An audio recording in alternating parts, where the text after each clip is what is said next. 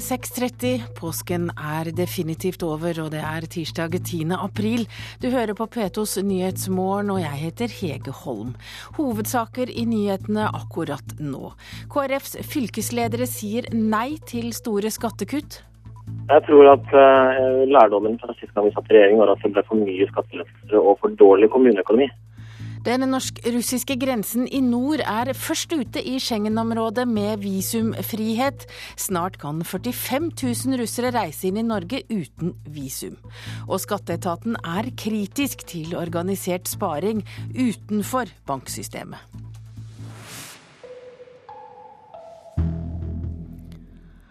Ja, KrFs fylkesledere sier et entydig nei til store kutt i skatter og avgifter.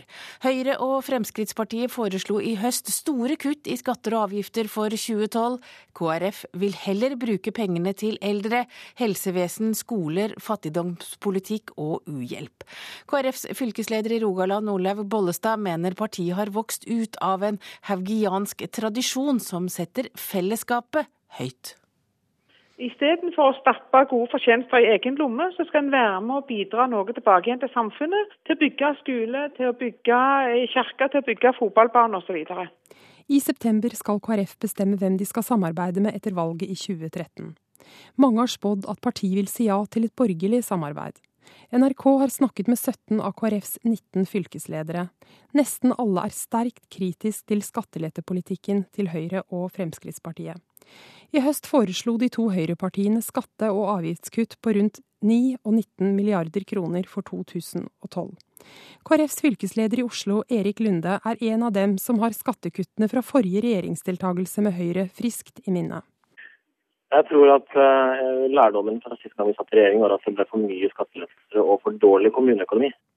For KrF-ere er det ingen trøst at departementet som de opplevde administrerte smalhans for norske kommuner under Bondevik II-regjeringen, var nettopp Høyre-leder Erna Solberg. Hvis det blir en ny borgerlig regjering etter valget, er hun den fremste kandidaten til statsministerjobben. Fylkesleder i Oppland Morten Halling var selv kommunepolitiker under Erna Solbergs kommuneregime. Jeg satt som formannskapsmedlem eh, i, eh, i den perioden Bondevik II hadde regjeringa. Og følte sjøl veldig på kroppen dette her at eh, kommuneøkonomien ble strøpa.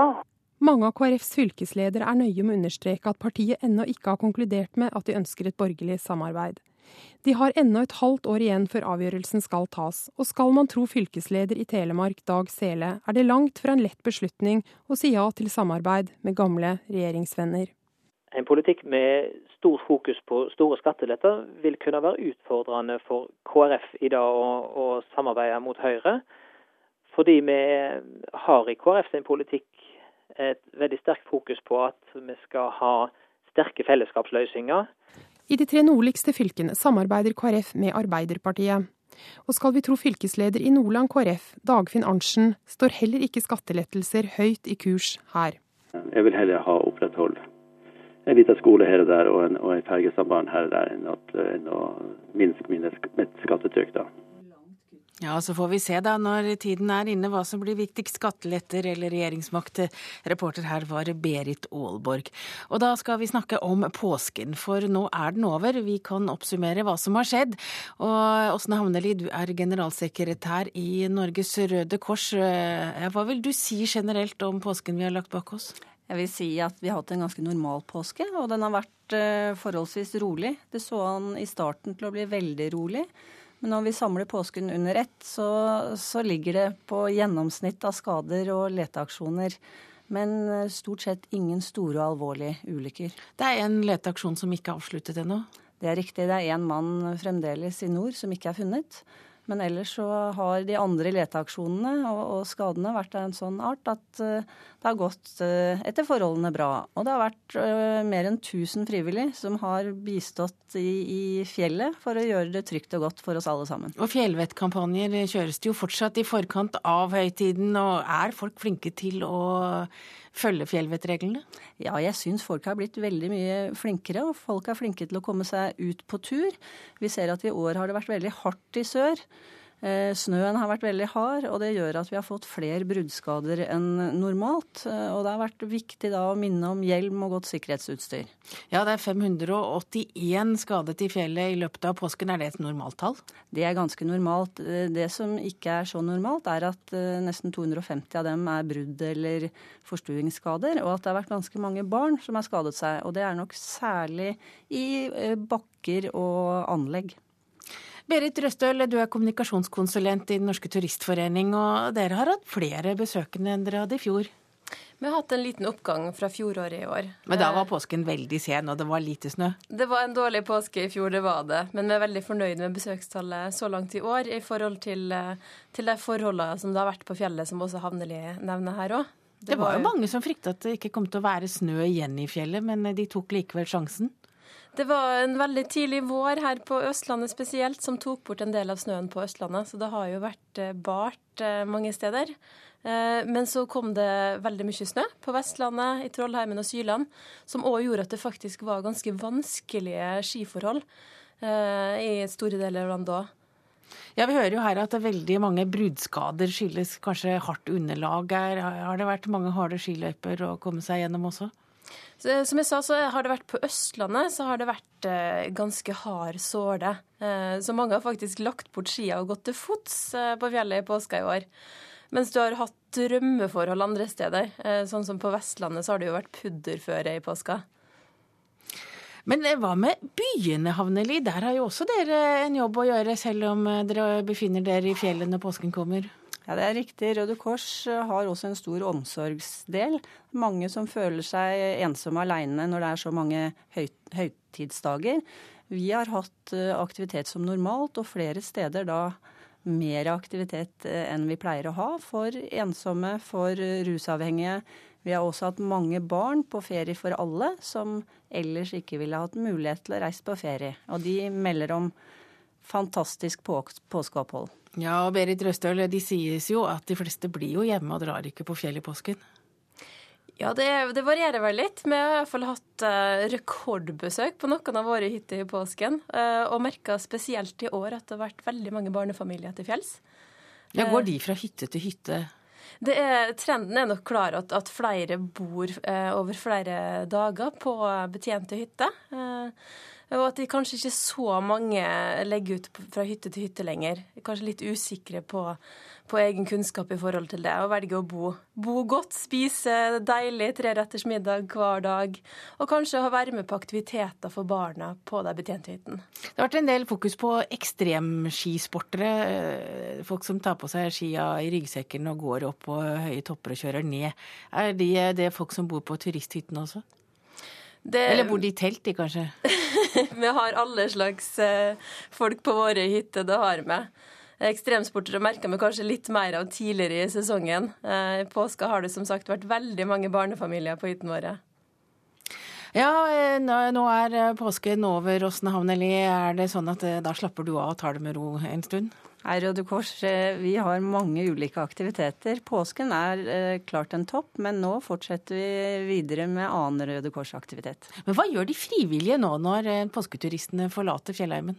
Så De som har vært frivillige i påsken, eh, hjelpekorpsere i fjellet, de har seg en velfortjent fri hvis, og skal tilbake til normal jobb, veldig mange av dem. Men alle andre som driver all annen aktivitet for Røde Kors, er eh, på plass fra i dag. Og skulle det også skje noen nye ting i fjellet, så vil hjelpekorpset være parat. Og som vi vet så er det veldig mye snø igjen i fjellet mange steder i Norge, så det kan nok bli flere oppdrag. Takk til deg, generalsekretær i Norges Røde Kors, Åsne Havneli, og Berit Røstøl, kommunikasjonskonsulent i Den norske turistforening. Da har vi kommet fram til en presserunde her i P2s Nyhetsmorgen. I Nasjonen sier fire av ti bønder at pelsdyroppdrett ikke bør være et satsingsområde for landbruket. Dyrevernalliansen jubler. Pelsdyravslaget vil bekjempe kunnskapsmangelen om næringen, skriver altså Nasjonen. Vårt Land forteller i dag historien om foreldreløse Nimrod som bor på et barnehjem i Kenya. Han er avhengig av medisiner for å holde hiv-viruset i sjakk. Begge foreldrene er døde av aids, og i fjor kuttet vestlige land bistanden med 20 milliarder kroner, penger som kunne gitt halvparten av verdens hivsmittede barn hjelp. Bergensavisen skriver om profesjonelle biltyver som nå kobler om dataanlegg i nye biler for å få dem til å starte. Tyvene blir stadig smartere, men bilene blir også stadig vanskeligere å stjele, og det ender ofte bare med hærverk. Det er stor avstand mellom LO og NHO i tariffoppgjøret. 66 000 LO-medlemmer kan bli tatt ut i streik de neste ukene, skriver Klassekampen. Lykkes ikke forhandlingene i frontfaget, ruller snøballen, sier Halvor Langseth i Fellesforbundet. Rammen for, legges, rammen for dette oppgjøret legges da til grunn for de andre oppgjørene i vår. Og visste du at Europas største produsent av kontorstoler ligger på Røros? Åtte av ti stoler fra Haag eksporteres, og nå står Asia og Amerika for tur, skriver Aftenposten. Haag produserer delene i utlandet og setter dem sammen på Røros. Dagbladet skriver i dag om hodepine på sin forside. En hodepine som ikke blir borte hvis man spiser smertestillende piller. Kiropraktorbehandling, variert trening og avspenning av nakke er forslag som kommer fram i avisen for de som har forsøkt alt. Dagbladet kan også fortelle at Carola er på vei til Sør-Afrika for å hente datteren Zoe, som hun har adoptert. Og VG er på sin første side opptatt av påskefettet som skal bort før sommeren. Avisen anbefaler å kaste påskegodtet, lage en middagsplan og legge ut på tur allerede i kveld. Tre uker tar det før du blir kvitt de ekstra kiloene, skriver altså VG.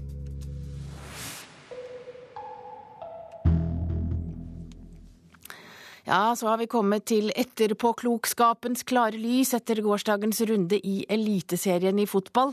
Strømsgodset hadde vunnet mot Haugesund hvis kaptein Alexander Aas hadde vært på banen. Det sier trener Ronny Deila. Aas har ikke spilt de to siste kampene etter at han ble utsatt for vold, og Deila savner den rutinerte spilleren. Han er en leder og samler den gjengen der, så så det er en utfordring. 33 år gamle Alexander Aas ble utsatt for vold på byen etter Strømsgodsets første seriekamp. Han brakk nesen, måtte sy i bakhodet og fikk hjernerystelse. Strømsgodset spilte 3-3 mot Haugesund i går. Resultatet hadde blitt annerledes med Aas på banen, mener treneren. I dag hadde vi vunnet hvis vi hadde, han hadde vært med. Det er jeg ganske trygg på. Hvordan går det med han? Nei, Han er uh, på bedringens vei. Han er, er, i trening nå, men han er enda litt svimmel når han legger seg ned for å prøve å sove. Eller, eh, og da tar vi ingen sjanser, da tilfelle han kunne vært lenger ute. Når er han tilbake, tror du? Håper at han har klart det helga, men eh, det kan ta noen uker til. Det vet vi ikke. Og reporter her var Olav Tråen. Hele brannlaget var naturlig nok sterkt preget av smellen som Rodolf Aastin fikk mot Molde i går kveld.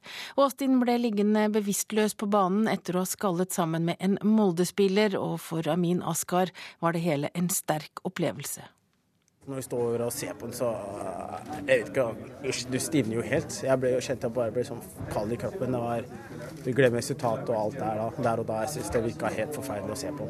Også branntrener Rune Skarsfjord satt igjen med sterke inntrykk etter det som skjedde med Austin. Vi blir redde. Vi eh, har en del minner i bakhodet vårt. Så vi, eh, eh, akkurat nå er vi bare glad at vi, vi får relativt gode rapporter fra han. Og Skarsfjord legger ikke skjul på at det heller ble ekstra sterkt med tanke på det som skjedde med brannspiller Karl Erik Torp i fjor høst.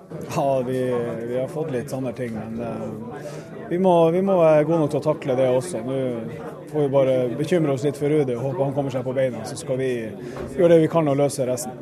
Ja, og Branntrener Rune Skarsfjord sa det til reporter Rune Hustad. Du hører på Nyhetsmorgen i NRK P2 og Alltid nyheter. Klokka er 6.44, og dette er hovedsaker i nyhetene. KrFs fylkesledere sier nei til skattelette. Russerne jubler over å kunne reise til Norge uten visum i nord. Og henger du med før sju, så får du høre at vi oppsummerer hva Titanics forlis har gitt oss av kunst de siste 100 årene.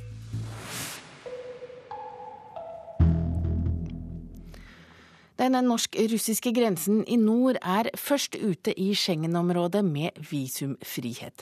Snart kan 45 000 russere reise inn i Norge uten visum, og 9000 nordmenn kan krysse grensen til Russland i nord. Russerne jubler, men på norsk side er ikke alle like begeistret. Egentlig, eh, jeg tviler på det. Jeg tror ikke det. Du har ikke lyst til å reise til Russland, altså? Uh, uh, nei. Det, ikke, det, ligger ikke først på lista. Nei. Denne mannen på kafé i Kirkenes er ikke utypisk. Etter mer enn 20 år med mulighet for å krysse den norsk-russiske grensa, har lokalbefolkninga sin forventning og nysgjerrighet for mange gått over i skepsis og tilbakeholdenhet. Å reise til Russland krever både innsats og vilje. Runden med visum og formaliteter gjør det langt lettere å reise til land i Norden eller EU. Men fra 29. mai skal det bli lettere. Men da bare for befolkninga som bor innenfor 30 km fra grensen på begge sider. Statssekretær Torgeir Larsen i Utenriksdepartementet forklarer hvorfor det opprettes visumfrihet nettopp her. Formålet er selvfølgelig å styrke det samarbeidet mellomfolkelige som har utviklet seg eh, enormt, vil jeg si, siden Barentssamarbeidet en gang startet i 1993.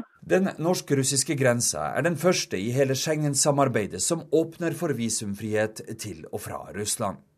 I Norge kan 9000 mennesker søke om grenseboerbevis og reise visumfritt. På russisk side er det 45 000 mennesker som kan komme visumfritt til Norge. Det får enkelte til å bli betenkt. Jeg frykter jo kriminalitet. Altså, jeg håper jo det at Altså, Kirkenes er jo en veldig veldig trygg og fredelig plass. Vi hadde jo litt sånn problemer når grensa åpna i begynnelsen, om at det kunne forsvinne sykler sånne småting. Så det er jo det man kanskje frykter igjen at vil skje. I fjor passerte rundt 195 000 mennesker den norsk-russiske grensa. Alle med visum. Månedene januar og februar i år viser at det blir en kraftig økning i forhold til fjoråret. De aller fleste som krysser grensa, er russere, og mange av dem skal på handletur til Kirkenes. Bleier og sånn er jo veldig dyrt i Russland, så det ser vi at de er her over og handler. Klær, eh, alkohol, syltetøy. Ja. Så jeg tror jo kanskje i hvert fall i begynnelsen at handelsstanden vil få en oppsving. Næringslivet i Sør-Varanger og Kirkenes tjener også godt på russerne innen reiseliv, industri og på service til de mange russiske båtene som kommer innom. Samtidig frykter næringslivet handelslekkasje til Russland. En bensinpris på under halvparten av den norske kan få mange til å ta turen over grensa. Selv med slike utsikter er likevel ikke tanken på å skaffe seg grenseboerbeviset det som står først i prioriteringene hos folk i Kirkenes. Jeg har ikke tenkt meg helt har ikke tenkt helt uh, over det, men uh, hvorfor ikke? Den ytterst begrensede visumfrie sonen i nord er et første steg på veien mot total visumfrihet, ifølge myndighetene. Statssekretær Torgeir Larsen sier 30 km-sonen har nasjonal betydning. Den har strategisk betydning for, for hele nasjonen. Slik sett er også denne eh, samarbeidsordningen, altså grenseboerbeviset, eh, nok en stein i et samarbeid som er viktig for oss alle, om du bor i Østfold eller i Finnmark. Ja, Så får vi se hvordan det går. Reporter her var Morten Ruud. Zimbabwes president Robert Mugabe skal være alvorlig syk, skriver avisen Zimbabwe Mail. Den 88 år gamle presidenten reiste nylig til Singapore, og ifølge avisen har Mugabe kjempet for livet og fått intensiv behandling under oppholdet. Ifølge Zimbabwe Mail har Mugabe vært utenlands flere ganger for å få behandling, og det har i flere år gått rykter om at Mugabe lider av prostatakreft. Så skal vi høre om spareordninger som ikke alle er like fornøyd med, for skatteetaten er nemlig kritisk til at mange innvandrere sparer penger utenfor banksystemet. Spareordninger som Komité eller Hagbad er hentet fra bl.a. Pakistan, India og Somalia. Systemet går ut på å danne private nettverk der alle legger inn en bestemt pengesum hver måned over en lengre periode. Så går potten på rundgang, slik at alle får utbetalt et større beløp. I diaspora så er det jo ganske utbredt i ulike nettverk og miljø, somaliske miljøer. Som leder av somalisk nettverk kjenner Barshe Mose det somaliske miljøet godt. Og selv om han ikke er med i et såkalt Hagbad-nettverk, vet han godt hva det går ut på. Og jeg kjenner flere personer som bruker dette systemet, ja. Hagbad, eller komiti som det heter på urdu, er spare- og låneordninger som er hentet fra bl.a. Somalia, Pakistan og India. Det fungerer slik. Flere personer, la oss si 20, går sammen og danner et nettverk. Og en gang i måneden legger alle en sum i en pengepott, f.eks. 1000 kroner, og slik holder man på i 20 måneder, og hver måned får en av dem utbetalt det samlede beløpet. Det er ingen gevinst på dette i det hele tatt. Det er jo bare det, det beløpet du har lagt inn, da. Om det er 1000 eller 2000. Det er det som går rundgang, da. Med andre ord, det er som å legge penger under puten og vente i 20 måneder før man bruker dem på å pusse opp et kjøkken eller kanskje kjøpe en sykkel. Men forskjellen her er at du kan få utbetalt store summer på bare noen få uker, og det uten å måtte tenke på renter. Hvis man skal ha bryllup, eller hvis man skal kjøpe nye møbler, eh, viktige ting, så er det en grei måte å spare penger på, og det er rentefritt. Hos skatteetaten er det første gang man hører om denne spare- og låneordningen. Og selv om Jan Egil Kristiansen i Skatt øst understreker at en slik metode utenfor banksystemet ikke er ulovlig, er han likevel skeptisk. Det er stor risiko for at kontanter kommer fra svarte penger. Altså det kan være svart salg av varer eller tjenester. Og, og, ofte så gjøres det opp i kontanter, for det setter ikke spor. Og hvis det er den type penger som går inn i dette systemet, så er saken veldig mye mer alvorlig. Da kan dette faktisk være eh, operasjoner for å hvitvaske kriminelle eller penger som er unndratt av svart salg. Derfor ber han folk tenke seg godt om før de velger å gå sammen med andre i et slikt spleiselag. Og jeg vil jo da advare altså om at man bør være oppmerksom på at det kan være hvitvaskingsoperasjoner, særlig når det er kontanter.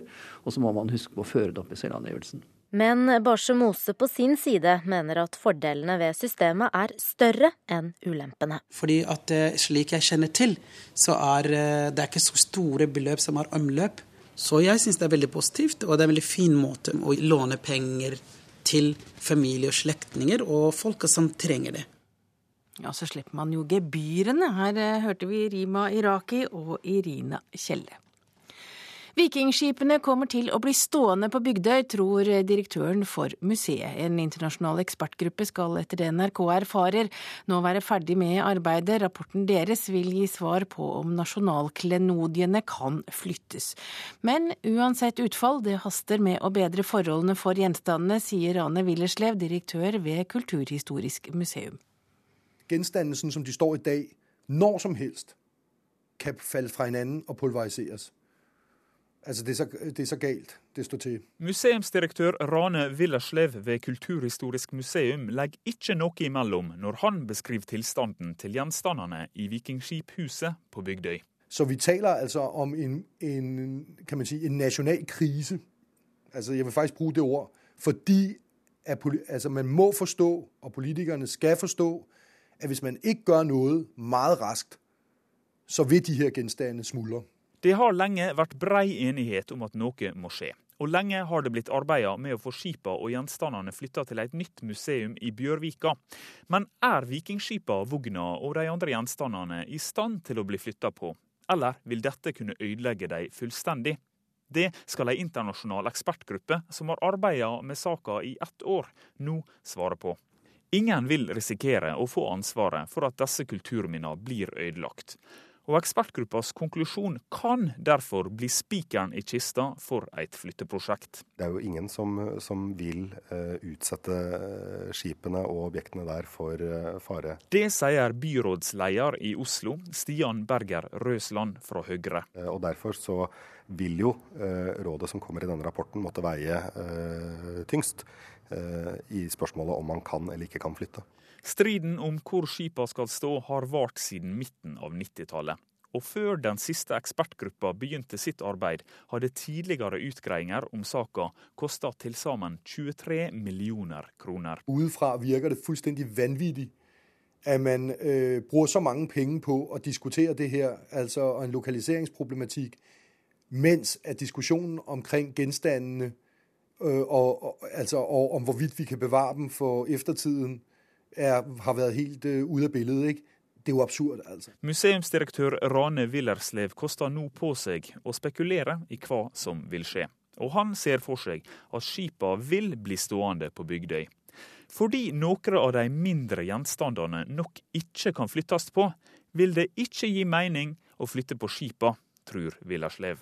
Og dermed må man nok si at øh, kan jeg ikke se noen annen konklusjon enn den at skibene skipene blir på Bygdøy fordi man vil ikke, og man skal ikke, splitte skipet og samlinger ad. Og Kunnskapsdepartementet, som har bestilt rapporten, vil foreløpig ikke kommentere den, og reporter her var Sondre Bjørdal. Og da har vi et værvarsel som gjelder til midnatt. Spesialvarsel for Aust-Agder, Telemark, Buskerud, Akershus, Oppland og Hedmark. Det ventes lokalt vanskelige kjøreforhold i høyereliggende strøk pga. nedbør som faller som snø. Og det ventes lokalt veldig mye nedbør i Agder. Fjell i Sør-Norge, sørøstlig kuling utsatte steder, snø, mest nedbør i sør. Østlandet og Telemark sørvestlig periodevis stiv kuling på kysten. Regn, sludd og snø i indre og høyere strøk i kveld. Lettere vær og lokal tåke. Agder sørøstlig liten kuling på kysten, regn, snø i høyden, lokalt mye nedbør. Rogaland og Hordaland sørøstlig liten kuling utsatte steder, i ettermiddag stiv kuling på kysten, i kveld kortvarig sørlig, sterk kuling i nord. Regn og snø i høyden. Sogn og Fjordane i kveld sørøst stiv kuling på kysten, etter hvert regn, først i sør, snø i høyden. Møre og Romsdal stort sett oppholdsvær. I kveld sørøstlig frisk bris utsatte steder. Litt regn, snø i høyden. Trøndelag sørøstlig liten kuling utsatte steder. I grensetraktene snø. Ellers skyet eller delvis skyet oppholdsvær, men fra i ettermiddag spredt regn og snø i høyden. Nordland østlig liten kuling utsatte steder. Litt snø i indre strøk på Helgeland og på Saltfjellet. Ellers stort sett oppholdsvær. I nord til dels pent vær. Troms pent vær. I ettermiddag mer skyet fra sør. Litt snø i grensestrøkene. Kyst- og fjordstrøkene i Finnmark sørlig frisk bris utsatte steder. Stort sett pent vær. I kveld litt snø i sør. Finnmarksvidda oppholdsvær fra ettermiddag litt snø. Og pent vær på Nordensløland på Spitsbergen. Det var værvarsel som gjelder til midnatt.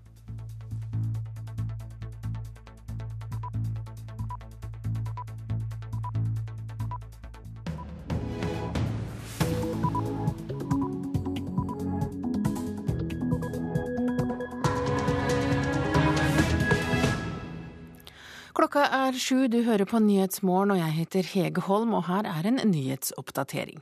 Snart blir det nesten gratis å låne penger for en halv million nordmenn. Når du kommer ned på så lave rentesatser, så, blir det jo nesten som å gi bort penger. Du tar veldig lite betalt for å, for å låne bort disse pengene. Og det sa seniorøkonom Katrine Boie. I dag kommer den andre rapporten om Breiviks mentale helsetilstand. Han kan bli erklært psykotisk, men likevel strafferettslig tilregnelig. Den norsk-russiske grensen i nord er først ute i Schengen-området med visumfrihet. Snart kan 45 000 russere reise inn i Norge uten visum. 17 Nato-soldater ble drept av afghanske medsoldater i år. Årsaken er at mange afghanere De sympatiserer med Taliban og i hvert fall føler en motstand mot det de ser på som en, en kulturell og politisk invasjon fra vestlige og veldig annerledes land. Ja, det sa tidligere NUPI-forsker Helge Lurås. Fedmespesialister, ernæringsfysiologer og psykologer i Bergen vil slanke tykke barn. Det gjør de sammen med mor og far. Det er veldig vanskelig for mamma å si nei alltid. sant? Det er veldig vanskelig for meg òg. Ja, nå skal vi høre at snart blir det altså nesten gratis å låne penger for en halv million nordmenn. Statens pensjonskasse senker nemlig renten med et halvt prosentpoeng 1. mai, men bare statsansatte får glede av superlånet. Helt bak mål. Men det er jo mye skjevt fra det offentlige. Jeg syns det er provoserende. Burde vi alle her. Det burde være lik. På gata i Kristiansand lar en del seg provosere av den superbillige renta som bl.a. lærere og politifolk kan få om et par uker. Ikke det er urettferdig. Jeg syns ikke det er veldig bra at makta bestemmer. Jeg syns jo at eh, alle banker bør ha lik rente, sånn at det blir likt for alle. Det er jo en fantastisk rente. Det skulle jo vært tilgjengelig for flere folk, egentlig. Men det er lite sørlendingene kan gjøre, for det er norske statsrenter som avgjør hvor gode statslånene blir. Og statsrentene er svært lave nå, bl.a. takket være eurokrisen. En veldig, veldig gunstig rente. Påpeker seniorøkonom Katrine Boje i meglerhuset Nordea.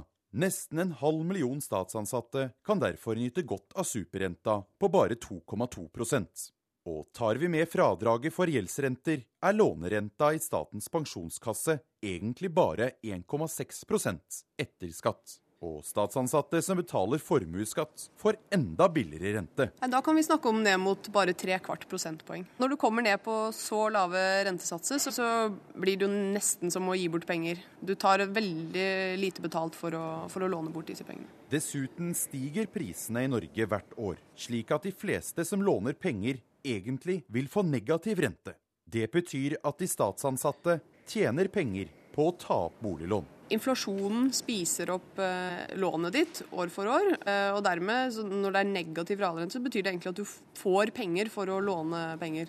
Derfor har også sjeføkonom Harald Magnus Andreassen i Svedbank en klar anbefaling. Jeg tror det er et veldig godt tilbud.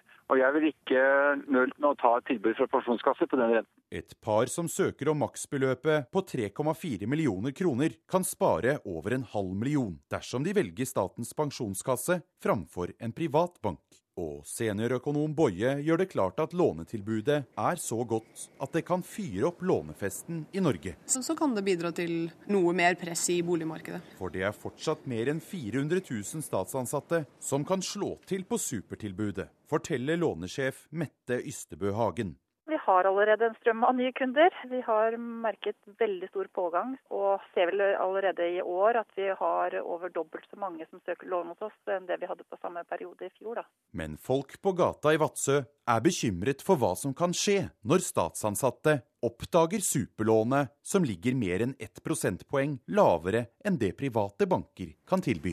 Ja, det er jo veldig gunstig lånerente. Det, virker nesten som det kan bli altfor billig. Det det begynner å bli lovlig lavt. Absolutt, det kan bli for billig. Det kan være, det kan være farlig. Og, og, sånn sett, hvis man ikke har styring på økonomien, så kan det være kjempeskummelt. Ja, Det sa fornuftige finnmarkinger til reporter Sindre Heirdal. Og økonomikommentator her i NRK, Steinar Medius, Medios. Hvordan er det mulig å gi en, et lån med så billig rente? Statens pensjonskasse de har en rente som er en funksjon av eh, bl.a. styringsrenten til Norges Bank, og den er som kjent veldig lav. Eh, og dermed så blir den så lav. Men staten er villig til å låne ut eh, penger veldig billig på annet vis også. Oljefondet låner ut enda billigere penger til land i Europa f.eks. Så staten der nøyer seg med en veldig lav rente for tiden. Men det har ikke bankene råd til? Det er derfor de kanskje til og med setter opp renta? Ja, det er dette som er det absurde. At nå kan du altså låne penger, en million kroner f.eks., i Statens pensjonskasse og sette den inn i en høyrentekonto og tjene omtrent 10 000 kroner for hver million du låner. Så vi har i realiteten en negativ realrente allerede nå fra Statens pensjonskasse. Og det er altså en halv million nordmenn som har fått tilbudet, men de biter ikke på? Og ja, Jeg tror nok det hjelper godt når de skjønner at uh, nå, det, nå, kastes pengene etter dem. Uh, så uh, selv de som ikke trenger disse lånene, vil vel antakeligvis begynne å lure på om ikke det vil spe på litt. Kjøpe seg noe? kjøpe seg noe, Eller bare rett og slett låne pengene og sette de på høyrentekonto. Låne en, et par kan jo låne 3,4 millioner kroner hvis de begge er ansatt i staten. og det blir jo da en netto på 34 000 kroner på toppen av et lønnsoppgjør. Det kan sikkert være fristende for mange. Iallfall når de har hørt på deg. Men hvor forsvarlig er det at staten da er med på en måte å presse, presse opp boligprisene? Det er dette som er det absurde. Det er absurd på mange måter. fordi at vi er nå i i ettervirkningen av en gjeldskrise. Og da det helt, virker det jo helt vanvittig at det skal være eh, gratis å låne penger. Og ikke bare gratis, det skal altså være negativ realrente. Så, og dette kommer nok til å føre til at eh, boligprisene i Norge presses ytterligere oppover. Vi har, i, i tillegg til at vi har, har veldig lave renter, så har vi jo en innvandring til Norge nå på som tilsvarer 70% av et årskull. Eh, og boligbyggingen er ikke spesielt høy, så boligpriser presses oppover. Og sånn sett så er det også en prisfest i, i vente som også stimulerer til mer låning. Jeg sitter akkurat og kikker på selvangivelsen, og jeg lurer jo på kanskje dette kan tvinge myndigheten til å fjerne rentefradraget på skatten? Ja, Det er mange kloke tanker om å endre skattesystemene i Norge. Men så vidt jeg har sett så langt, så er det ingen politikere som tør å nappe på det. Fordi vi nærmer oss et nytt valgår. Og eh, deres kunder, nemlig deres velgere, de liker ikke å få dårligere betingelser enn det de hadde i forrige runde. Så det å ta på å si, såkalte ansvarlige grep når det gjelder skattesystemet for å hindre bobleutvikling i norsk økonomi, det er det så vidt jeg skjønner nesten ingen som vil ta. Takk til deg, økonomikommentator her i NRK, Steinar Medios. Da står det bare igjen å gratulere den halve millionen som får dette gunstige tilbudet. I dag kommer det en ny rapport fra de rettsoppnevnte sakkyndige. Og det kan hende de rettsoppnevnte sakkyndige ikke er enige med de forrige. Og det kan hende de er enige med hverandre selv om de kommer til forskjellige konklusjoner. Det sier spesialist i psykiatri Kjersti Naru. Det er altså rapporten fra psykiater Agnar Aspås og Terje Tørrisen som kommer i dag, og de skriver om Anders Behring Breiviks mentale helse helse. Og den rapporten går til Oslo tingrett. De kan, som Torgeir Husby og Synne Sørheim gjorde i sin rapport, komme fram til at eh, Breivik er psykotisk, men likevel vurderer han til å være strafferettslig tilregnelig. Da eh, kan tenke, hvis eh, det blir tilregnelighet som er deres konklusjon, er at de har funnet at de psykotiske symptomene ikke er så omseggripende og så eh, preger hans tankemåte og væremåte i like stor grad som de første oppnevnte. Så de behøver ikke å være veldig uenige, men de kan være uenige i psykosebegrepet i rettspsykiatrisk forstand, som er noe annerledes enn det vanlige kliniske psykosebegrepet. I dag leverer Agnar Aspås og Terje Tørrisen sin rapport over Breiviks mentale helse til Oslo tingrett. De har vurdert om han er strafferettslig tilregnelig eller strafferettslig utilregnelig. Den forrige rapporten til psykiaterne Torgeir Husby og Synne Sørheim ble kraftig kritisert og debattert. Er Anders Behring Breivik paranoid schizofren, og er han psykotisk? Naru sier at konklusjonen på tilregnelighet uansett ikke vil komme før tingretten har konkludert. De sakkyndige må redegjøre for dette i detalj under hovedforhandlingene uh, overfor retten og overfor uh, partene. Og konklusjonen på uh, tilregnelighet vil jo ikke falle før dommen er falt i Oslo tingrett. Agnar Aspås og Terje Tørrisen har varslet en omfattende rapport, mellom 300 og 350 sider. De har hatt elleve samtaler med Breivik. I tillegg har han vært observert av psykiatriske sykepleiere og leger. Hvor sannsynlig er det at de to nye kommer eh, med motsatt konklusjon? Det vet jeg ikke. Eh, jeg kan ikke spå. De kommer enten til at han er utilregnelig eller tilregnelig. Det at han eh, nå har fått tilgang på å lese den første psykiatrirapporten, hvor mye tror du det ville hatt å si at han har klart å tilpasse seg forklaringen etter det? Eh, er han eh, syk, eh, alvorlig syk, så vil jo en slik tilpasning være altså vanskeligere jo sykere han er. Og Saken starter altså i Oslo tingrett 16.4, og advokat Harald Stabel, hva har denne nye rapporten å si når rettssaken starter i neste uke? Det er nokså avhengig av hvilken konklusjon de kommer til. Kommer de nye sakkyndige til at han er psykotisk og derved utilregnelig, så er det vel mer enn teoretisk eh, mulighet eh, for at eh, han skal kunne bli kjent tilregnelig av domstolen.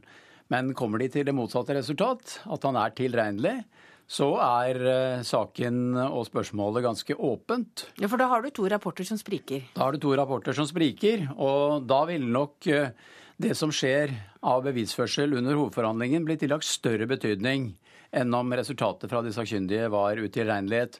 Og da tenker jeg særlig på forklaringen fra eh, Behring Breivik selv.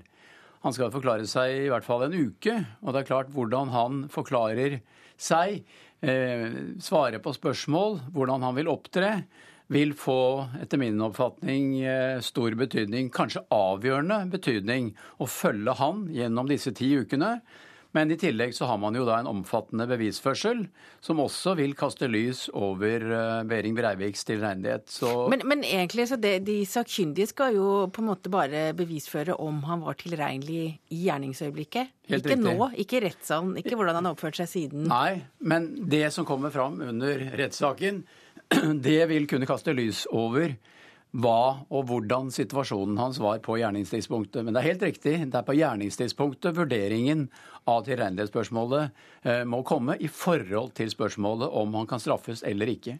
Av to, eh, hvilken av de to rapportene vil telle mest når retten skal avgjøre om han var strafferettslig tilregnelig eller ikke? Ja, Det er helt umulig å si nå. De har foretatt noe forskjellige undersøkelser, og rapportenes premisser vil helt sikkert ikke være de samme. Men vektleggingen av den går det ikke an å si noe om nå, etter min oppfatning. Det vil først kunne skje etter at de har forklart seg i retten, og etter prosedyrene, og før retten trekker seg tilbake. Hvilke problemer skaper det for retten at det kommer eh, to forskjellige rapporter om eh, Breiviks eh, psykiske helse i gjerningsøyeblikket? Nei, Det skaper ingen problemer for retten. De er vant til og trenet i bevisførsel og vurdering og bedømmelse av bevis. Og dette blir ikke noe spesielt. Man, da, eh, man kan ikke legge avgjørende vekt på eh, de sakkyndiges eh, vurderinger, fordi det er sprik, de er uenige. Og da vil den øvrige bevisførsel telle mer, som jeg nevnte. Men noen problemer skaper ikke dette. Det blir en ren bevisbedømmelse som retten må foreta, og retten er suveren til å komme til, fram til resultatet om man er tilregnelig eller ikke, om man kan straffes eller ikke. Vet du noe om innholdet i den eh, siste rapporten som kommer i dag? Jeg vet ingenting om det. Så det har ikke vært noen lekkasjer i advokatmiljøet? Det har det ikke. Takk så vidt meg bekjent. Så vidt deg bekjent. Takk til deg, advokat Harald Stabel. Klokka er 7.13, du hører på Nyhetsmorgen i NRK P2, og dette er hovedsaker akkurat nå. En halv million nordmenn får låne penger nesten gratis fra 1. mai. Da senker Statens pensjonskasse renten med et halvt prosentpoeng. Breivik kan bli erklært psykotisk, men likevel strafferettslig tilregnelig. I dag kommer den andre rapporten om hans mentale helsetilstand. Og i Egypt ønsker over 20 kandidater å erstatte avsatte Hosni Mubarak, blant dem hans tidligere etterretningssjef.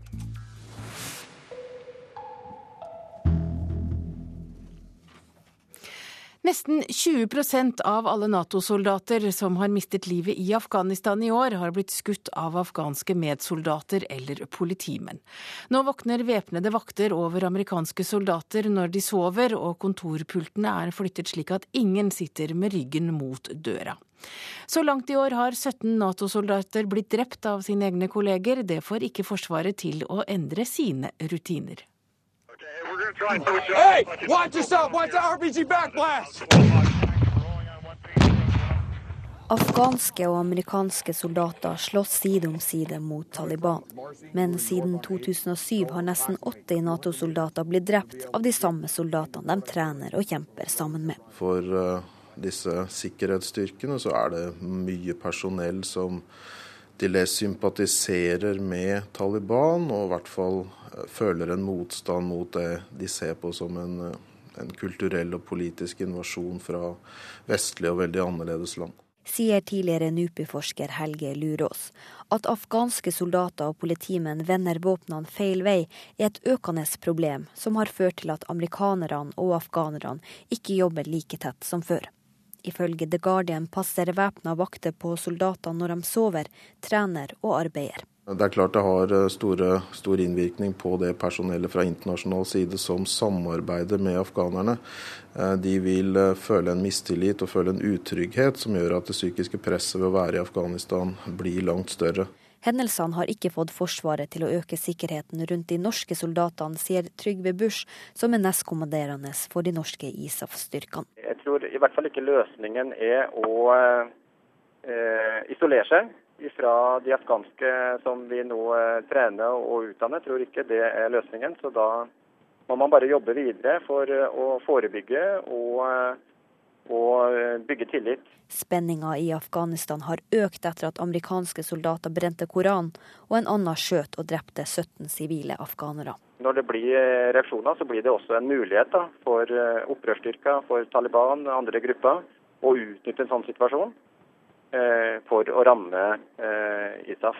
Nå frykter Helge Lurås at flere Nato-soldater skal bli drept av sine medsoldater i tida fremover. Kanskje den viktigste årsaken, tror jeg, det er at det har en form for smitteeffekt. Eh, desto mer oppmerksomhet det blir rundt det, desto oftere det skjer, desto lettere blir også andre motivert til å gjøre det samme. Så dette er på en måte en snøball som bare ruller på seg og blir større og større. Ja, Reporter her var Kristine Svendsen og Anders Sømme Hammer. Du er frilansjournalist i Afghanistan, og du har bodd i Kabul i fem år. Hvorfor tror du at det er en økning i slike drap nå? Denne økningen i drapene har skjedd i takt med markant styrking av antivestlige strømninger i Afghanistan. Eh, utlendingene som er i landet, merker mer motstand og mer fiendtlighet. Eh, dette har flere årsaker. Det er litt vanskelig å gi helt konkret forklaring på hvorfor, hvorfor det skjer. Eh, det har altså vært en krig som den pågående krigen eh, holdt på da i over ti år. Eh, mange har blitt direkte ramma av den. Det har ført til mye misnøye og frustrasjon med utlendingene som er i landet. Og det er rett og slett fordi veldig mange ikke har fått det bedre. I fjor så dro jeg til en landsby i Meimane, rett utenfor Meimane, i Faryab-provinsen i Nord-Afghanistan, der de, de norske soldatene er utplassert. Ehm, der var det en lokal politimann som hadde skutt eh, to amerikanske soldater som kom på besøk til politistasjonen han jobba. Eh, han ble en helt i hele Faryab. Alle lastebilsjåførene kjørte rundt med bilder av han. Det møtte opp over 4000 mennesker i begravelsen. I landsbyen hans så solgte barn og menn bilder og videoer eh, av han. Det som ble veldig klart da jeg var på besøk der, er at dette er Eh, en motstand mot utlendingene som er mye mer eh, utbredt enn det væpnede opposisjonen eh, som kjemper mot de utenlandske soldatene, som vi da ofte kaller Taliban her hjemme. Betyr det at du også som frilansjournalist i Afghanistan er blitt engsteligere de siste årene? Jeg har blitt engsteligere fordi jeg møter mer fiendtlighet selv. Er, Afghanistan er et veldig gjestfritt land. Du merker at det er mange som spiller på denne motstanden mot utlendingene. Det er mye mer propaganda nå som er direkte retta mot uh, utlendingene. og Det er en sånn det er åpenbart noen som jobber bevisst her, men det er også en stor misnøye blant uh, uh, lokalbefolkningen. Mye mer fokus på, på religion også enn tidligere. Det blir ofte spørsmål om jeg er muslim. Eh, det er eh, Og du får nesten lyst til å svare ja, bare for å få det hadde vært det enkleste. Men, eh, men det, det, går på at det, man, mange får høre i moskeen at utlendinger er i Afghanistan for å ødelegge afghansk kultur. Og for, å, og for å krenke islam. Spesielt da med de Både i fjor og i år så hadde vi da store Fikk det mye oppmerksomhet da Koranen ble brent. Først i USA så i Afghanistan i år. Eh, så det er, det er, veldig mye agitasjon mot utlendinger nå. Eh, og Sånn var det ikke for fem år siden da jeg flytta dit. Da var det en helt annen stemning enn det det er nå. Men sjefen for ISAF-styrkene, John Allen, han prøver jo å nedtone alvorligheten i hendelsene. Hvorfor det? Krigen i Afghanistan har vært en informasjonskrig. Eh, altså de positive effektene av krigen har hele tiden blitt overdrevet. Militæret har stort behov for å mm, framstille som om dette går framover. Eh, når de allierte da dreper utenlandske soldater, så kan det da forsterke et inntrykk av at det her ikke er en spesielt vellykka krig. Eh, så man da prøver å dekke over det. Han vil ikke være hærfører for en ikke helt spesielt vellykket krig? Nei, det, det, det, er vanskelig å drive krig hvis du ikke har tro på det selv, og hvis ikke folk har inntrykk av at det fungerer. Takk til deg, Anders Sømme Hammer, altså frilansjournalist i Kabul i Afghanistan. I Egypt gikk fristen ut for å stille til presidentvalg denne helgen. Over 20 kandidater ønsker å erstatte avsatte Osni Mubarak, blant dem hans tidligere etterretningssjef Omar Suleiman. Og Midtøsten-korrespondent Sigurd Falkenberg Mikkelsen i Kairo, hvem er de andre kandidatene? Mest kjent i Vesten er nok eh, Amer Mossa, tidligere eh, utenriksminister og leder av Den arabiske liga. Så har du også en som heter Hafez Abu Ismail, en eh, TV-predikant og ganske ytterliggående islamist med mange kontroversielle utspill. De to som har vært de dominerende kandidatene med en sånn ganske jevnt en tredjedel av uh, oppslutningen på meningsmålingene. Uh, men I tillegg til det så har man også, har også Brorskapet nå lansert sin kandidat, Khairat al-Shater. uklart hvordan det kommer til å slå ut. De første meningsmålingene som er tatt opp, viser at han får ganske lav oppslutning. Eh, og så har man også en som heter Abdul Monaim Abdul Foto, som er en utbryter fra brorskapet, som er populær blant en del uh, unge. Men det er klart det at uh, Suleiman nå stiller. Dette var den samme mannen som leste opp Hosni Mubaraks avgangserklæring på fjernsynet. Det oppfattes jo som svært provoserende blant veldig mange av de som gjennomførte revolusjonen, både på sekulær og religiøs side. men det blir spennende å se hva slags oppslutning han eventuelt kan få han kan kanskje være mer populær enn man kan tro ved første øyekast. Det tok jo svært lang tid å avvikle parlamentsvalget. Hvordan blir prosessen rundt presidentvalget? Nei, Det er altså masse usikkerhet knyttet til dette. og Særlig nå har kampen flyttet seg til den juridiske arenaen. På den ene siden prøver parlamentet å innføre lover som sier at de som var med i det gamle regimet, ikke kan stille. Det tror jeg kommer litt for sent, og det er for lite makt i parlamentet til å gjennomføre det. Eh, men så er det også alt som er knyttet til hvem som kan få lov til å stille rent juridisk. og Der har Militærrådet et avgjørende ord eh, med i laget. og Bl.a. da denne salafisten og TV-predikanten Abu Ismail eh, som har vært masse snakk om her, som har en mor som har fått amerikansk pass i, litt sent i livet, som gjør at han da ikke er egentlig ikke får lov til å være kandidat i henhold til egyptisk lov også vært trukket eh, tvil rundt eh, kandidaturet til eh, brorskapets kandidat, Khairat al-Shater, fordi han satt i fengsel under Mubarak. Sånn at Det er mye usikkerhet knyttet til prosessen, og klart bak dette så skjuler det seg jo et knallhardt maktspill. Takk til deg, Midtøsten-korrespondent Sigurd Falkenberg Mikkelsen. Da har vi kommet fram til en presserunde. I Nasjonen, eh, I Nasjonen, står det at fire av ti bønder mener at pelsdyroppdrett ikke bør være et satsingsområde for landbruket. Dyrevernalliansen jubler, mens Pelsdyralslaget vil bekjempe kunnskapsmangel om næringen, skriver altså Nasjonen. Vårt Land forteller historien om foreldreløse Nimrod som bor på et barnehjem i Kenya. Han er avhengig av medisinene han får for å holde hiv-viruset i sjakk. Begge foreldrene er døde av aids, og i fjor kuttet vestlige land bistand med 20 milliarder kroner, penger som kunne gitt halvparten av verdens hivsmittede barn hjelp. Det skriver altså Vårt Land. Bergensavisen skriver om profesjonelle biltyver som kobler om dataanlegget nye biler for å få dem til å starte. Tyvene blir stadig smartere, men det blir bilene også, så det ender ofte bare med hærverk. Det er stor avstand mellom LO og NHO i årets tariffoppgjør. 66 000 LO-medlemmer kan bli tatt ut i streik de neste to ukene, skriver Klassekampen. Og lykkes ikke forhandlingene i frontfaget, ruller snøballen, sier Halvor Langseth i Fellesforbundet. Visste du at Europas største produsent av kontorstoler ligger på Røros? Åtte av ti stoler fra Haag eksporteres, og nå står Asia og Amerika for tur, skriver Aftenposten. Haag produserer deler i utlandet og setter dem sammen på Røros.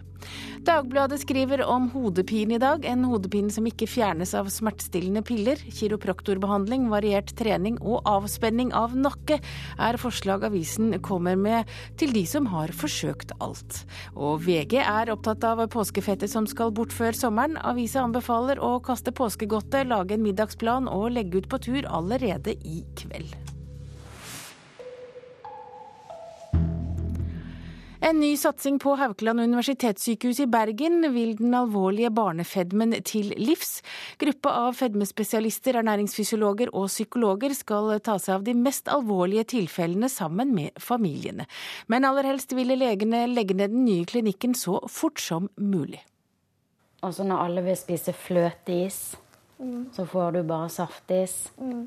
Det er veldig vanskelig, for mamma å si nei alltid. sant? Det er veldig vanskelig for meg òg. Mamma måtte lære seg å bli streng, for ti år gamle Patrick er for tung.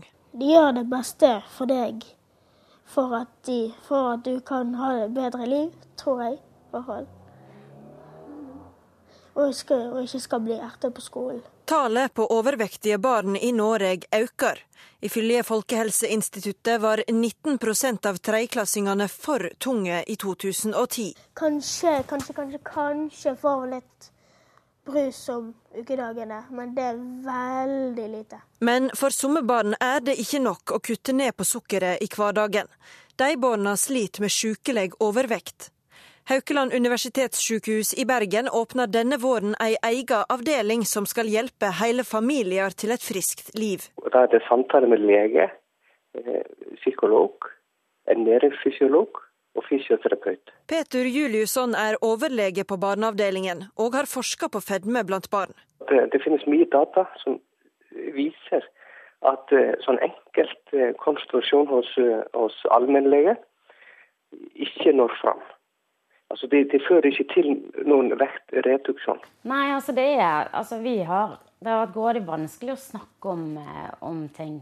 For det at eh, har, har, liksom i alle år fått beskjed om at eh, du skal ikke ha fokus på det, og du skal ikke si liksom sånn, og du skal ikke si, kalle noen for tjukke eller stor mage, og du skal ikke fortelle han hva han skal spise, og hva han ikke skal spise. for det at og da, da blir jo ikke det så lett. Men på Haukeland er det nettopp vekta en må snakke om, for det handler om livsstilsendring. Og så eh, kommer man fram til en, en såkalt oppfølgingsavtale, eh, som inkluderer da eh, et, et mål for, for vektutviklingen, et mål for aktivitetsnivå og også en kostliste. Hvorfor må hele familien være med? Det, det, det hjelper ikke å snakke med barnet alene. Ja, jeg går og tenker det er min skyld. Jeg kunne vært bedre. Jeg kunne tatt han med meg på tur. med. Jeg kunne latt han spise mindre. Jeg kunne Det var så mye jeg kunne gjort. Vi har vært smertelig klar over behovet, og vi ser at vi har eh, nok pasienter. Men trass i at han har store håp for den nye satsinga, håper overlegen at det ikke vil være et langvarig behov for han. Dette vil ikke løse problemet. Den beste løsningen her er selvsagt forebygging. Og så har vi òg fått beskjed om at eh, barnet gjør som foreldrene, ikke hva foreldrene sier.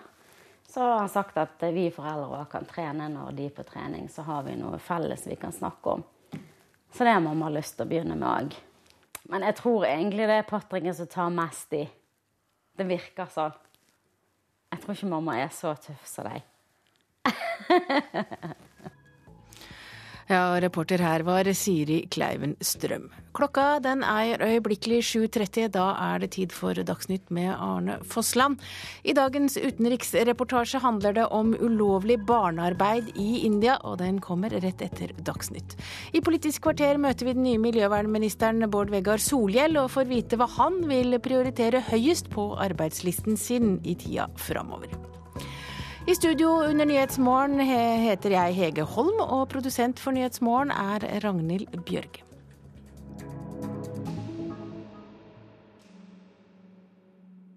Eh, trusselen er troverdig, men ubekreftet, heter det her. President Barack Obama han ble orientert for noen timer siden, og USAs president får ikke meldinger om alle trusler denne nasjonen mottar før slike store markeringer. Nyhetslunsj gir deg nyheter og bakgrunn for det som skjer. Nyhetslunsj klokka 12.30 i NRK P2.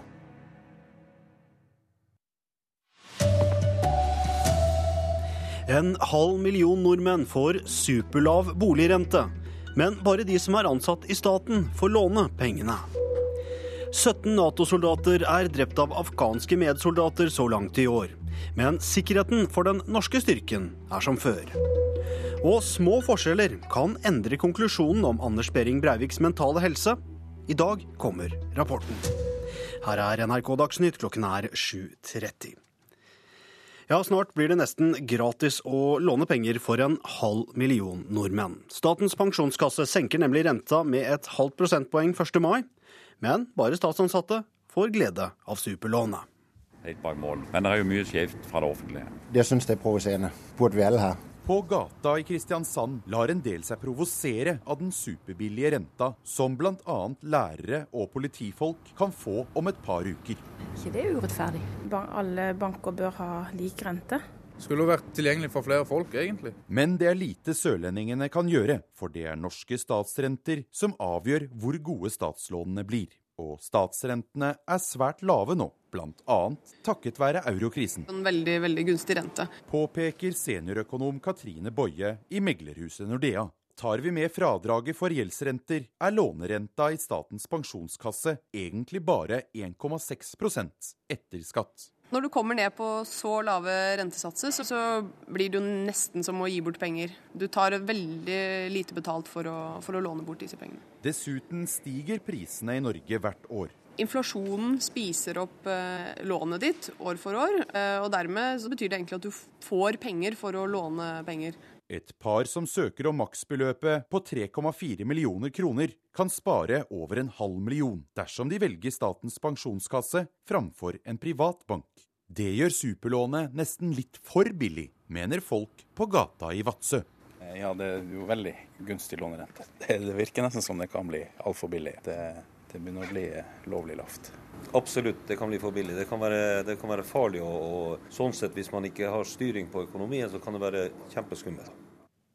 Og reporter her, det var Sindre Heierdal. Nesten 20% av alle Nato-soldater som har mistet livet i Afghanistan i år, er blitt skutt av afghanske medsoldater eller politimenn. Nå passer væpnede vakter på amerikanske soldater når de sover og trener. Og så langt i år så er 17 Nato-soldater blitt drept av sine egne kollegaer. Men det får ikke det norske forsvaret til å endre sine rutiner. På et støva treningsfelt øver afghanske soldater, men de siste årene har de samme soldatene drept nesten 80 allierte. Noen er Taliban-sympatisører, andre frustrerte etter over ti år med det de ser på som en okkupasjon, sier tidligere NUPI-forsker Helge Lurås. Dermed så har presset og spenningene en tendens til å bygge seg opp.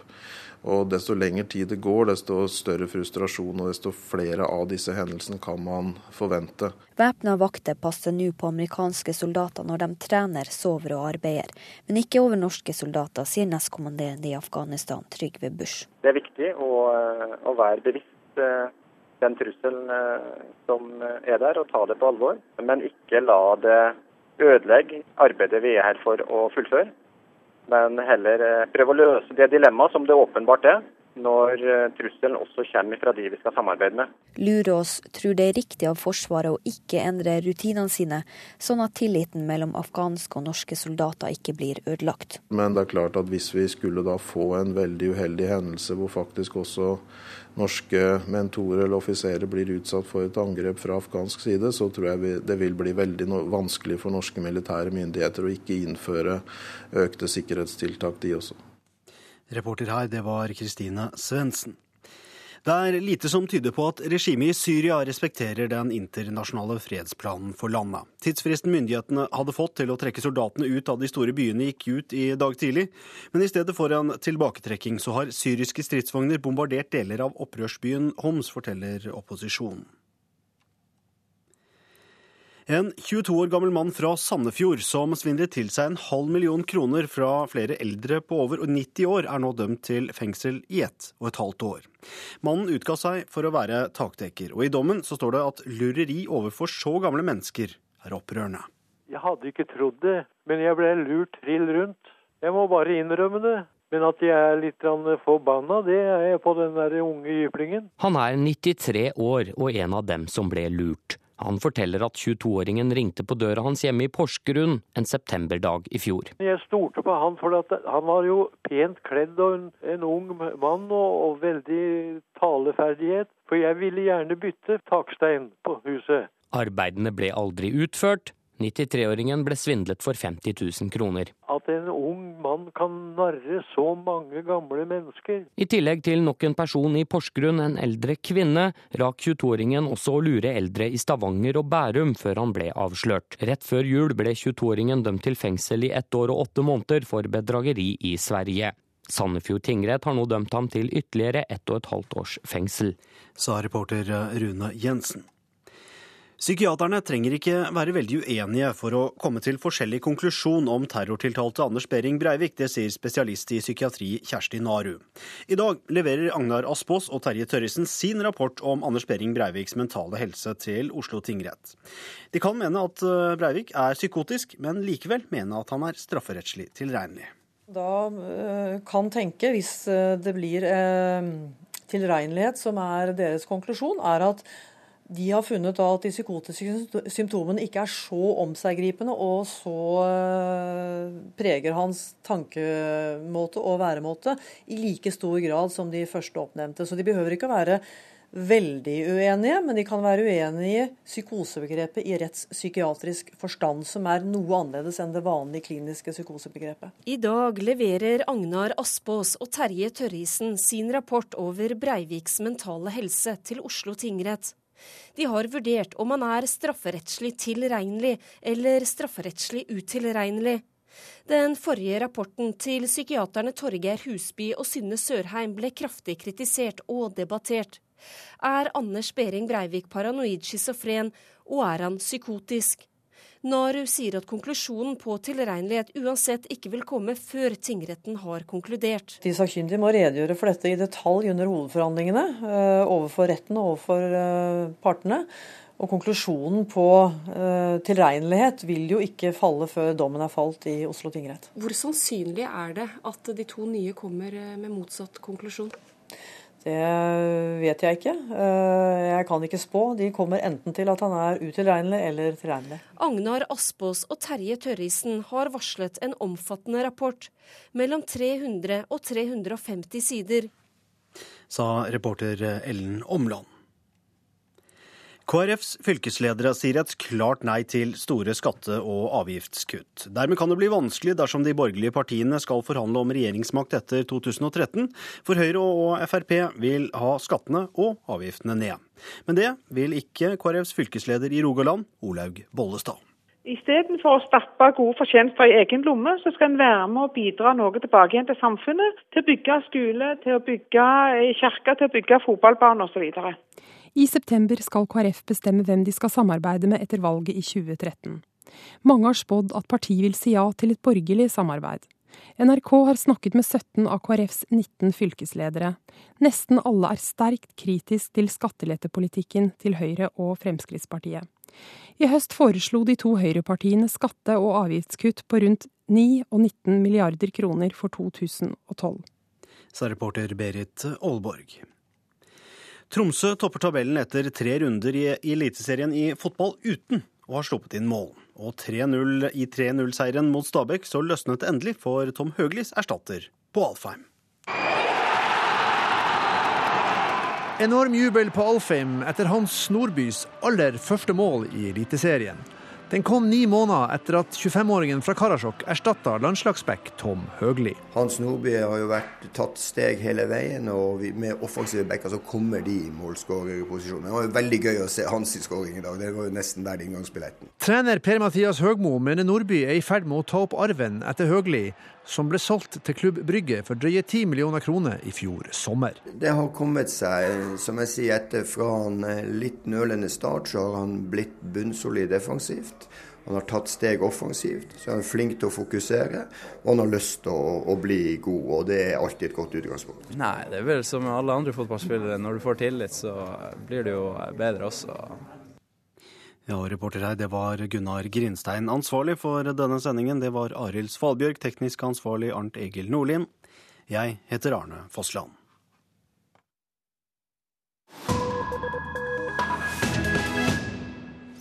Ja, og P2s Nyhetsmorgen fortsetter. Nå skal vi snakke om barnearbeid, for barnearbeid er forbudt også i India, men der blir ikke forbudet overholdt.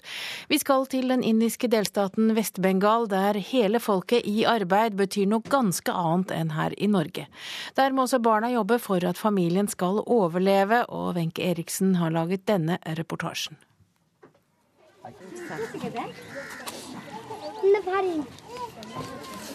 Sagira er bare elleve år gammel, men allerede veteran i arbeidslivet. Hennes arbeidsplass finnes rett over dørstokken hjemme. Hun lener seg mot husveggen, der hun sitter med en flat kurv i fanget. Hun drysser tobakksflak på et grønnbrunt blad, presser det hardt sammen med tomlene, lager en tett rull og binder fast det hele med en tynn, rød bomullstråd. Nok en bidi Fattigmannssigaretten, som er like sentral i den indiske kulturen som chai-teen og chapati-lefsa, er klar. Sagira begynte å jobbe da hun var sju år med å kutte trådbitene til sine eldre søsken. I fjor avanserte hun til selve rullingen. Sammen med foreldrene og to brødre og to søstre gjør hun det åtte timer per dag, sju dager i uken. Alt i en rasende fart. Det er en stor belastning for små barnefingre.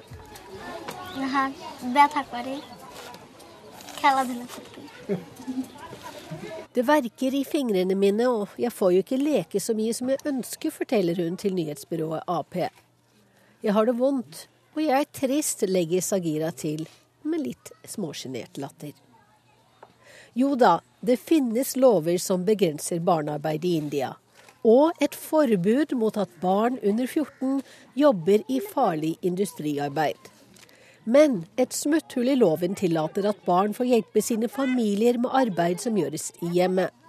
Og på hustakene i Dulian, i smugene mellom husene og langs veien sitter foreldre og barn side om side og ruller opp til 1000 bidis per dag for å tjene til livets opphold. Barna som ruller hundrevis av bidier hver dag, inhalerer tobakksstøv og andre farlige stoffer. Studier har vist økte nivåer av kotinin, et biprodukt av nikotin, hos bidiarbeiderne. Og i Chowdhurys lokaler jobber smågutter på sju-åtte år med å forsegle plastlommer med bidi-sigaretter ved å legge plasten inn til en glohet kullovn slik at den smelter.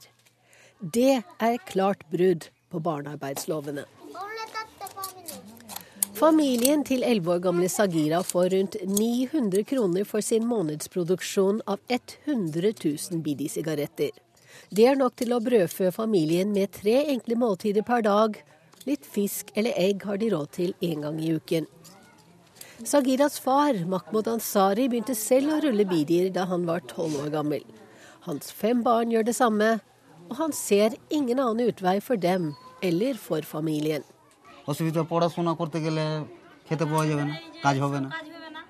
Hvem skal gjøre Sagiras arbeid hvis hun går på skolen? Hvem skal lage de 3000-4000 bidyrene som hun pleier å lage, spør familiefaren. Så Sagira, som drømmer om å bli lærer, har bare fått et par dagers skolegang den siste måneden.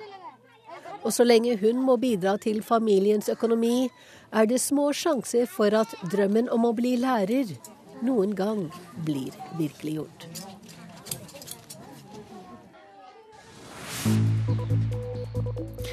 Og P2s Nyhetsmorgen fortsetter, og disse overskriftene akkurat nå. En halv million nordmenn får superlav rente, men bare de som er ansatt i staten får låne pengene. 17 Nato-soldater er drept av afghanske medsoldater så langt i år, men norske soldater fortsetter som før. Og små forskjeller kan endre konklusjonen om Anders Behring Breiviks mentale helse. I dag kommer rapporten. Og klokka er 7.44. Det betyr at det er tid for Politisk kvarter, og der er eh, tema klima og miljø, Sigrid Solund. Norge har fått ny miljøvernminister, men hva får det å si for politikken? Bård Vegar Solhjell møter forventninger og utfordringer fra opposisjon og miljøbevegelse, og kanskje er han mer enig med dem enn med sine egne regjeringskolleger.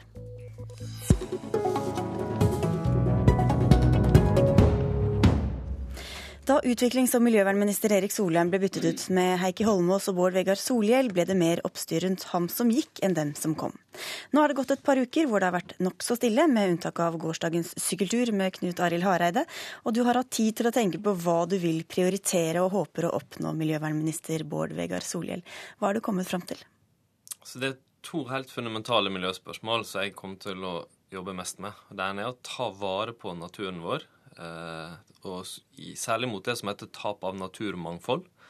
Det er viktig fordi vi er glad i den når den har verdi i seg sjøl, men òg fordi det er en ekstremt viktig ressurs for oss. Det andre er klima, eh, og det er det jeg har kasta meg over eh, fra første dag i Klima og miljø, det var ikke så veldig overraskende. Nei, det kan du si, men tap av naturmangfold og klima er kanskje de to store utfordringene vi mennesker i Norge og internasjonalt kommer til å måtte forholde oss til det neste hundre året. Og den, nå er det den såkalte klimameldinga, altså en, en, gjennomgang av veien videre i arbeidet med å redusere klimautslipp, både i Norge og internasjonalt. Men ta vare på klima og ta vare på natur, det var jo veldig overordnet. Har du noen andre, mer konkrete saker du vil jobbe spesielt mye for? Ja, eh, når det gjelder klima og den klimameldinga vi skal legge fram, så er det kanskje særlig å mer tenke at Norge skal omstille seg til å være et mer klimavennlig samfunn, og at de omstillingene er positive eh, for Norge og for de fleste av oss som bor her. La meg gi to eksempler på det. Industrien. Vi er vant til å tenke at miljø og industri er en motsetning i samfunnet. Og det var helt sant det for, i mange tiår. I dag er det først og fremst ikke det. Klimautslipp fra industrien går ned, mens de går opp fra andre sektorer. Og mange av løsningene på klimaproblemet vil ligge i nye teknologier og industriprodukt. Og det andre er transport. Eh, vi blir veldig mange flere i den regionen vi er i nå, i Oslo og Akershus-området. Og eh, hvis vi ikke gjør drastiske grep, så vil det være lengre køer på veiene, eh, tettere å stå på kollektivtrafikken. Og den omstillinga til et helt annet kollektivsystem den vil òg være viktig for å redusere klimautslipp. Dette er norske forhold. Betyr den nye organiseringen i regjeringen at du primært skal konsentrere deg om norske utslippskutt og norsk naturvern? Altså det betyr at jeg vil ha mer tid til å konsentrere meg om miljøpolitikken i Norge, fordi jeg skal drive med dem på heltid. Eh, naturvern og klimaspørsmål. Er det forsømt eh, så langt? Men jeg kommer fortsatt til å bl.a. jobbe mye med de internasjonale klimaforhandlingene. og det er fordi klimaspørsmålet så kan du ikke velge mellom Norge og verden. Vi skal fortsette å ha en lederrolle internasjonalt, bidra til teknologiutvikling, regnskogprosjektet. Men så er det sånn at eh, altså ingen i ikke USA, Kina, land som slipper ut mye, kommer ikke til å akseptere det hvis ikke òg små land som Norge gjør de nødvendige omstillingene i sine samfunn som vi forventer av alle andre. Har det vært forsømt?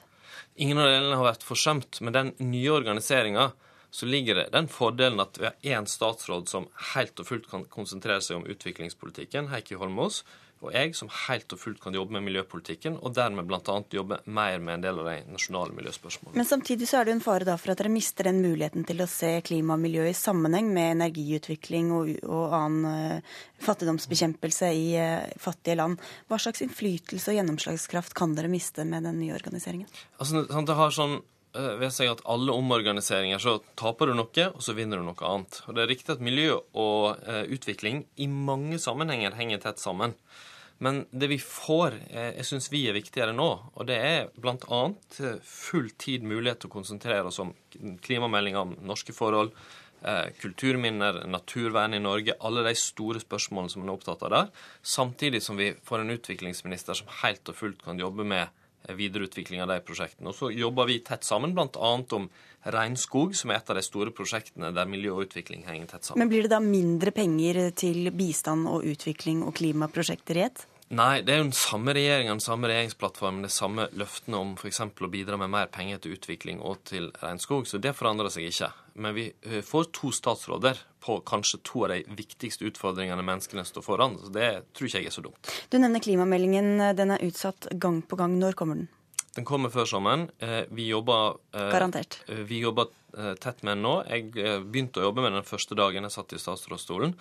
Men jeg tror alle må være, skal være klar over at det, altså det, er en kjempemulighet til å forandre og forbedre klimapolitikken. Men kommer den garantert før sommeren? Ja, den kommer før sommeren. Og eh, vi skal legge fram en melding som både viser vei på transport og på industri og petroleum og andre områder. Det står igjen ganske mye. og Det er to grunner til at dette er vanskelig. Det ene er at det angår nesten alle felt i samfunnet. Sant? Det ligger i det å være miljøvernminister at du ikke bare kan styre din egen sektor, men det må være et overordnet hensyn på alle felt. Og da er det vanskeligere. Det andre er jo at det er selvsagt òg betydelige uenigheter, diskusjoner om en del politikkområder der vi må bli enige. Og det tar ofte tid å bli enige om ting. Vi har to andre personer her som du må forholde deg mye til i den nye jobben din. Nina Jensen, generalsekretær i naturvernorganisasjonen WWF. Hva synes du om de prioriteringene Solhjell legger opp til?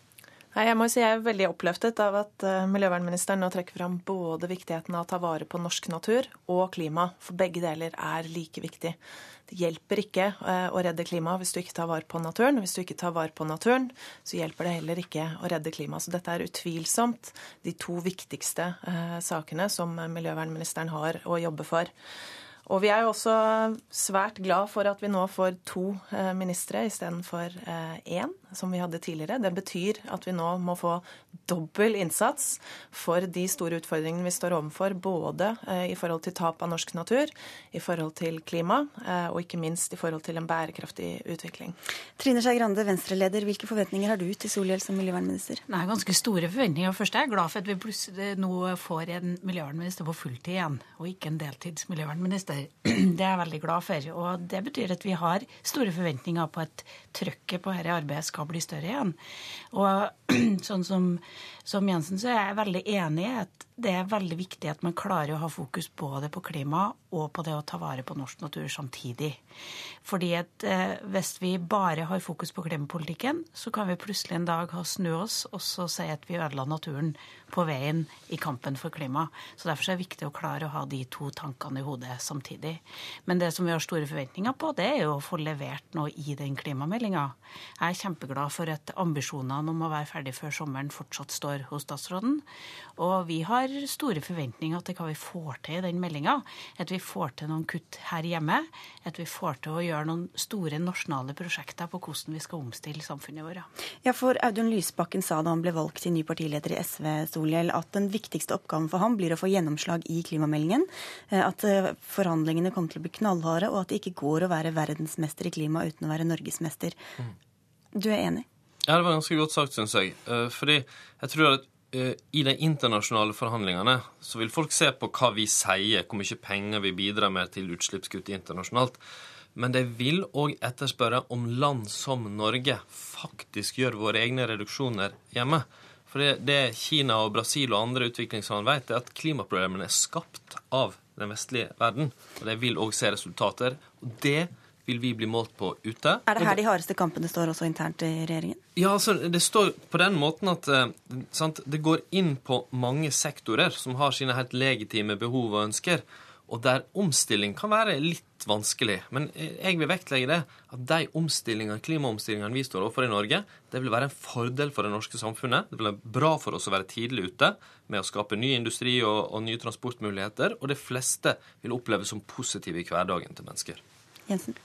Det er jo flott å høre at det nå legges opp til at det skal tas eh, utslippskutt i Norge. Dette er helt avgjørende både for eh, de internasjonale klimaforhandlingene og for norsk troverdighet på den internasjonale arenaen alle de politiske eh, partiene i regjering har eh, programfestet at utslippene skal gå ned, men realiteten er at utslippene går kraftig opp. Vi har aldri hatt et høyere tempo på norsk sokkel, eh, og klimatiltakene mangler. Så det er klart det er store forventninger til klimameldingen, men det er ingen tvil om at det må tas kutt hjemme og miljøvernministeren må også sørge for å ta opp en solid kamp med olje- og energiminister Ola Borten Moe, som trøkker på for økt utvinning for alt det gjelder. Ja, Trine Skei Grande, er det sånn at SV kjemper på to fronter mot Senterpartiet når det gjelder vern og rovdyr, og mot Arbeiderpartiet når det gjelder hjemlige kutt? Grovt sagt? Ja, nå tror jeg nok at eh, Senterpartiet kanskje ikke er det største problemet her i regjeringa. Jeg tror det kanskje er gravd ned et annet parti, det er problemene som Bård Vegar sitter med. Men, men, det som jeg tror er det viktige å snu tankegangen på her, det er liksom at hvis vi skal gjøre noe med klima, så er det snakk om at vi skal ofre så mye og betale så mye. Det vi skal snakke om, det er at vi nå har en økonomisk sjanse, den situasjonen Norge er i nå, til å foreta en omstilling som vi vet vi må gjøre uansett. Og den kan vi gjøre nå, eller vi kan gjøre den veldig smertefullt i framtida. Eller vi kan bruke den nå til en sjanse for å utvikle norsk næringsliv, for å gi masse muligheter til nye arbeidsplasser, til et nytt næringsliv som også lever i en klimaverden. Og så må vi huske på at, at det er jo ikke sånn at hvis vi lager en god klimapolitikk når det gjelder samferdsel f.eks., så får folk det verre. Det er jo ikke sånn at det store kollektivløftet vi har gjort i Oslo, og trikken går hvert femte minutt, at folk får det verre ved å bo i byen da. Nei, det blir faktisk bedre å være menneske i et samfunn som man har en god klimapolitikk i. Altså, Dere tre er jo relativt enige ikke sant, om eh, både sikkert sak og virkemidler med forskjellige nyanser, men dere har jo ikke fått med dere folket. altså Folket stemmer jo ikke Venstre og SV i stort monn, og klimaskepsisen er økende og engasjementet dalende. Jeg må si at jeg tror jo at det som, det som føles frustrerende på dette området, er politikken som henger igjen. For folk gjør jo masse. Bare se på bilreklama i dag. Bare se på hva det er som er fokus når folk skal velge seg en ny bil. Bare se på hva folk er villige til å gjøre med søppelsortering og ja, kjøpe inn nye varmekilder. Så det skjer masse ting blant folk. Det skjer masse ting i norsk industri. Norsk næringsliv vil gjerne omstille seg, men det er politikken som henger igjen. Det er veldig gammeldags i veldig mange av de store partiene, og de har ikke skjønt at den omstillinga egentlig er i ferd med å skje i samfunnet uansett. Altså, jeg tror vi må være ærlige og si at Det er jo ikke den samme miljøbølgen i dag som det var for fem år siden, med FNs klimapanel og Al Gore osv. Men det kommer til å gå i bølgedaler hovedretninga er jo at folk blir mer opptatt av miljøspørsmål. Men kan det også skyldes at folk mister troa fordi de ser at politikerne gjør jo veldig lite?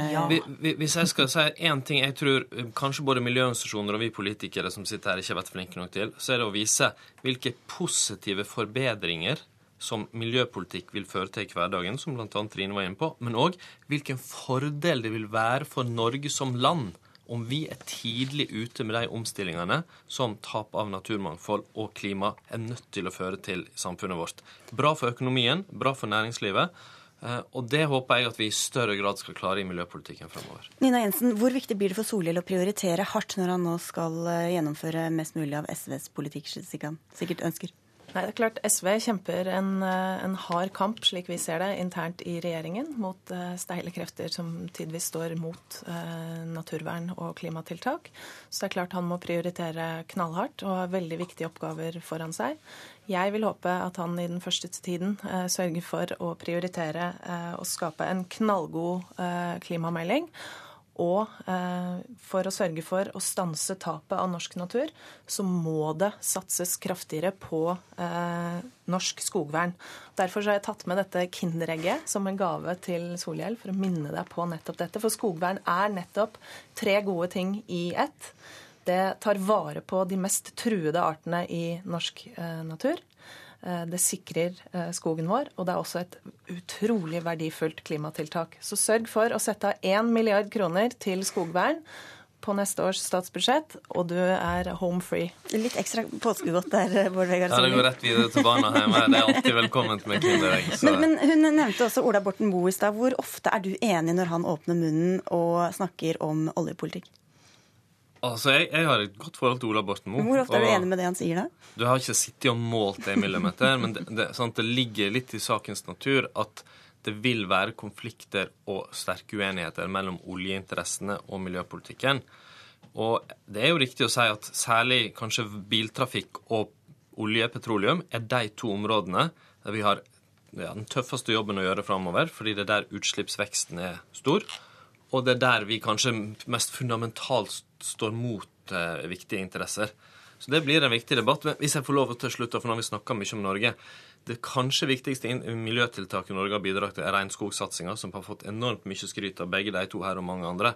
Det er et viktig internasjonalt tiltak, som er en ganske enorm satsing. Så det er òg viktig at vi har et perspektiv på at Norges bidrag internasjonalt spiller en særlig stor rolle. Trine Skei vi var inne på i stad at dere er tross alt en minoritet, dere som sitter her, eh, dere tre. Og dere er jo relativt enige. Hvorfor angriper dere da SV så ofte for alt de ikke klarer å få til?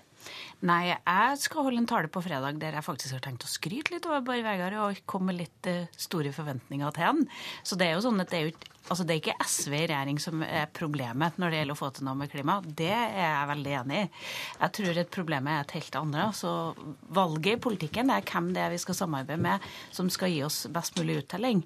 Men Venstre og SV kan i hvert fall samarbeide om klimapolitikk. Og det, vi skal gi inn så mange gode håndslag og gode ideer vi bare kan. Helt til slutt, Bård Vegar Solhjell. Hadde det vært lettere å bli enig med disse to når du skulle forhandle, enn med dem du faktisk skal forhandle med? Altså, Jeg skal klare å bli enig med både de jeg forhandler med, Jens og Liv Signe, og forhåpentligvis etterpå med eh, Kristelig Folkeparti og Venstre i, eh, og gjerne Høyre i Stortinget òg. Vi trenger en brei allianse sånn som vi har i dag for å gjennomføre nødvendig klimaomstilling i Norge. Bård Vegar Solhjell, Trine Skei Grande og Nina Jensen, takk skal dere ha for at dere kom til Politisk kvarter, som nå er slutt. Jeg heter Sigrid Solund.